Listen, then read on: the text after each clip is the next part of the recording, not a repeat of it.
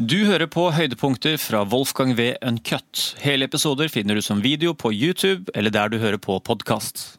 Dersom det skulle komme til en militær eller økonomisk konfrontasjon med Vesten, ville Russland tapt. Er du like, sik er du like sikker på det nå i 2021 som da du skrev det i 2014? Eh, nå så, så er, er, Russland mye mer i stand til å, til å kjempe La oss si en konvensjonell krig. Da. La, oss, la oss si at det, det, det, ikke kommer til bruk av atomvåpen. Uh, la oss si at, man, at, det er en krig med tungt artilleri og, og droner og, uh, og, og infanteri. Vil, ikke, vil ikke Europa alene kunne stå imot Russland. Ingen sjanse i det hele tatt. Eh, det er også pga. at de trener så mye. De trener på kjempeoperasjoner på en sånn måte som ikke vi gjør når de har disse Vostok-øvelsene. De, de, har delt inn hele landet i tre store militærdistrikter, vest, sentrum og øst. Og Hvert år da, så, er, så mobiliseres hele militærdistriktet for gigantiske øvelser. Vi snakker om da øvelser med titusener av stridsvogner, tusenvis av fly og hundretusener av soldater. Mm. Som, man, som, man, da trener i manøverkrigføring. Vi har ikke gjort det siden den kalde krigen i Nato. Eh, våre, våre, våre, øvelser har i beste fall liksom, noen, noen, tusen soldater og noen hundre fly. Eh, så de, de trener seg for krigens skala som ikke vi trener. og så, så, så, lenge det var slik at de lå to generasjoner bak oss i teknologi, så ville det gå svært ille for dem. Pga. at vi har en slagkraft, Vesten har en slagkraft som de bare ikke kan måle seg med. Så vi ville ha bare gjort enorm skade på dem. Mm.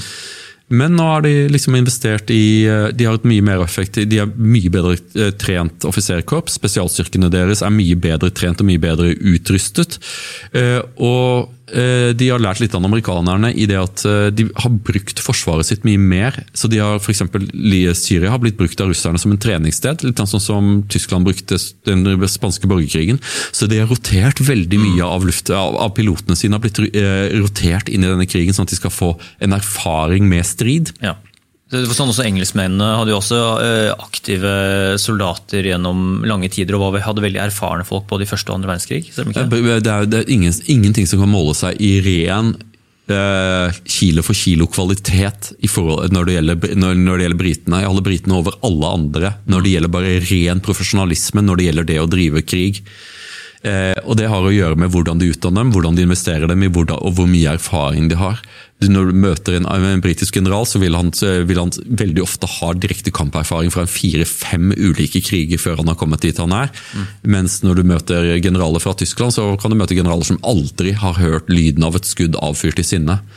Eh, russerne, russer, russerne, trener seg for en stor konfrontasjon.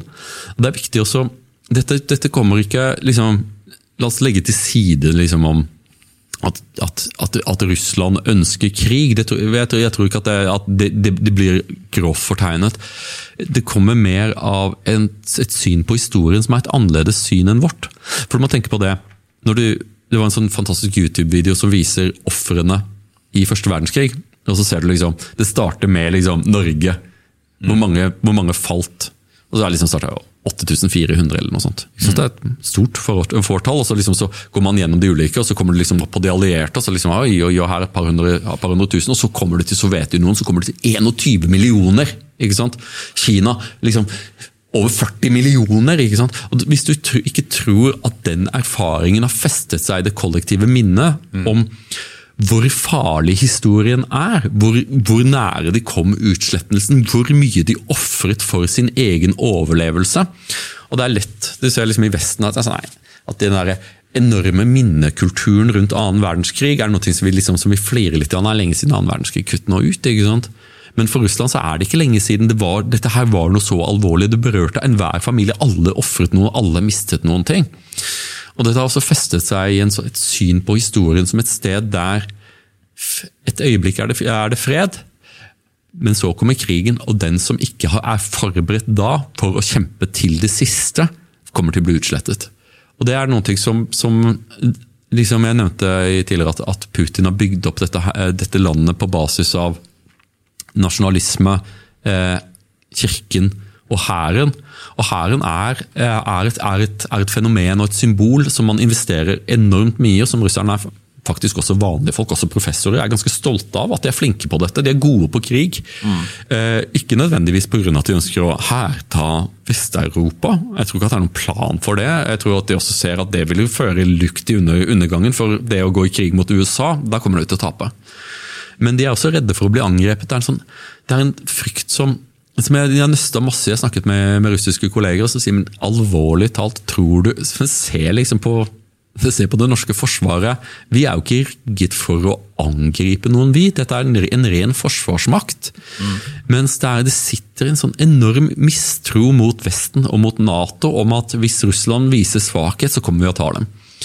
Eh, og dette har vært Putins prosjekt dette å bygge opp et sterkt, eh, et, et sterkt forsvar, og det, og det, har de nå.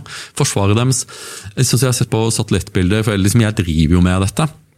Det er veldig morsomt og instruktivt å se liksom, russiske øvelser for 15 eh, år siden. så Se bare hvordan de parkerer kjøretøyene sine. Så, det ser ut som liksom sånn rånertreff på Notodden. ikke sant? Så, så, biler, så, så kjøretøyer mer eller mindre overalt. Folk har bare satt dem der det passer. liksom. Og så ser du nå nå er det som å se den tyske hæren. Allting står i rekker med akkurat like stor avstand mellom, mellom, kjøretøyene.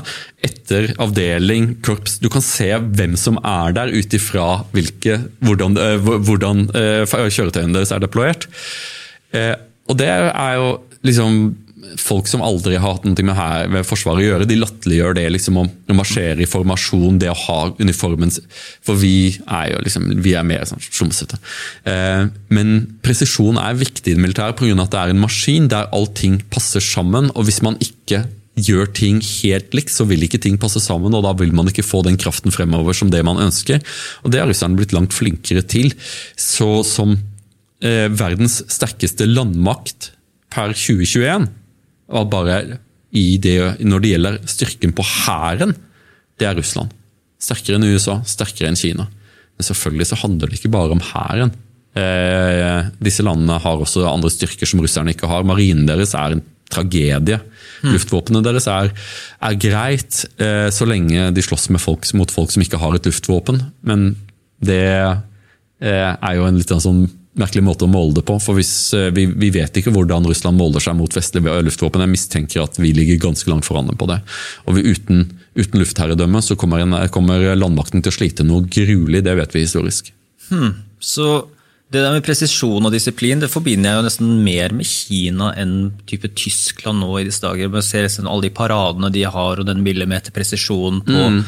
eh, på utstyr og personell. og sånt. Det er sånn ta pusten fra en. Ja, og de her eh, seremoniene de har hatt i forbindelse med OL, hvor de virkelig bare viser sitt presisjonsnivå og, og liksom øye for uh, organisering. Da. Mm. Uh, som er så, så litt sånn skremmende hva de liksom er blitt kapable til å gjøre. og det, ja, men, hva, men, hva, er de kapable til å gjøre? Ja, det, det, er jo, sånn... det, er jo, det, er jo, et lukket rom. for saken at du, kan ikke, du kan ikke vurdere en, en armés slagkraft ut ifra eh, YouTube-bilder av hvordan de marsjerer.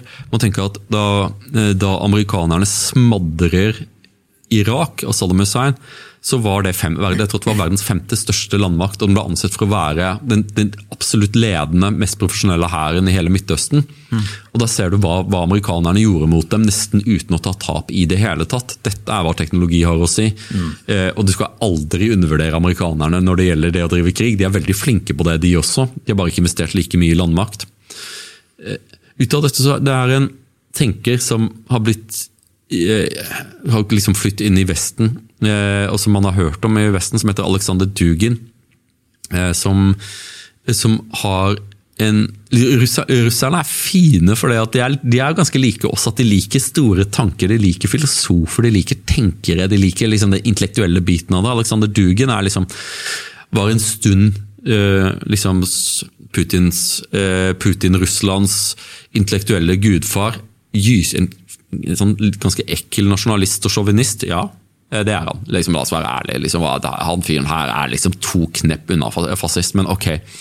Han hadde en tanke eh, som eh, i korte drag var at historien, i historien så står eh, det evige Roma mot det evige Kartago.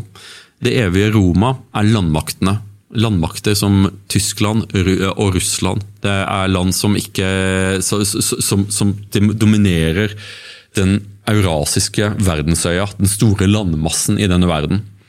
Eh, og mot disse så står sjømaktene, de evige Kartago, som han sier. Og det er, det er britene, det er amerikanerne, det er marinelandene som prioriserer makt over, over saltvann. Eh, og tanken hans er det er jo liksom det, det evige Roma, det evige Kartago. Det også, ligger jo også i kortene at Roma smadrer Kartago, river byen og pløyer den og planter med salt. Det er det romerne gjorde mot, mot Kartago. Mm. Eh, at, at, at, seieren til slutt ender på landmaktenes side. Men, men, Russland definerer seg selv som en landmakt. De underinvesterer i, i marinen sin. De, de, har ikke den kapasiteten til å projisere makt over saltvann som det, som det, som det sjømaktene har. Det har heller ikke Kina, egentlig. Eh, mens Russland investerer i en gigantisk og veldig effektiv hær som er i stand til å forsvare dette kjempelandet. Mm. Eh, og tilbake til det jeg sa om at dette springer ut av en tanke om historien, som er det stikk motsatte av den liberale tanken om the end of history, om at alle sammen skal bli liberale demokratier, og så kommer vi til å leve sammen i en, sånn nærhet i en, i en, i en kjempestor, hyggelig hakkebakkeskog der Mikkel Rev har blitt vegetarianer. Russerne tror ikke på det i det hele tatt. Eh, så, eh, ja, for Det er jo poenget med Hakkebakkeskogen. ikke sant? At lille Morten Skogmus, Hakkebakkeskogen er jo en betenkning over utenrikspolitikk. Det skriver jo Torbjørn Egler i introduksjonen. Les introduksjonen til Hakkebakkeskogen. Det er en betenkning omkring verden. Og det er en veldig norsk betenkning. Morten Skogmus, det er Norge. Og lille Morten Skogmus overbeviser da stormakten, eh, Mikkel Rev, til å bli vegetarianer og begynne å spise nøtter.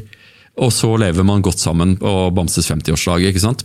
Mens russerne svelger ikke det et øyeblikk. De regner med at denne krigen kommer, den må komme, den vil komme. Er, den siste krigen er ikke utkjempet, og vi må være klare pga. det som skjedde i andre verdenskrig. Og Det er noe som sitter i, i DNA-et deres.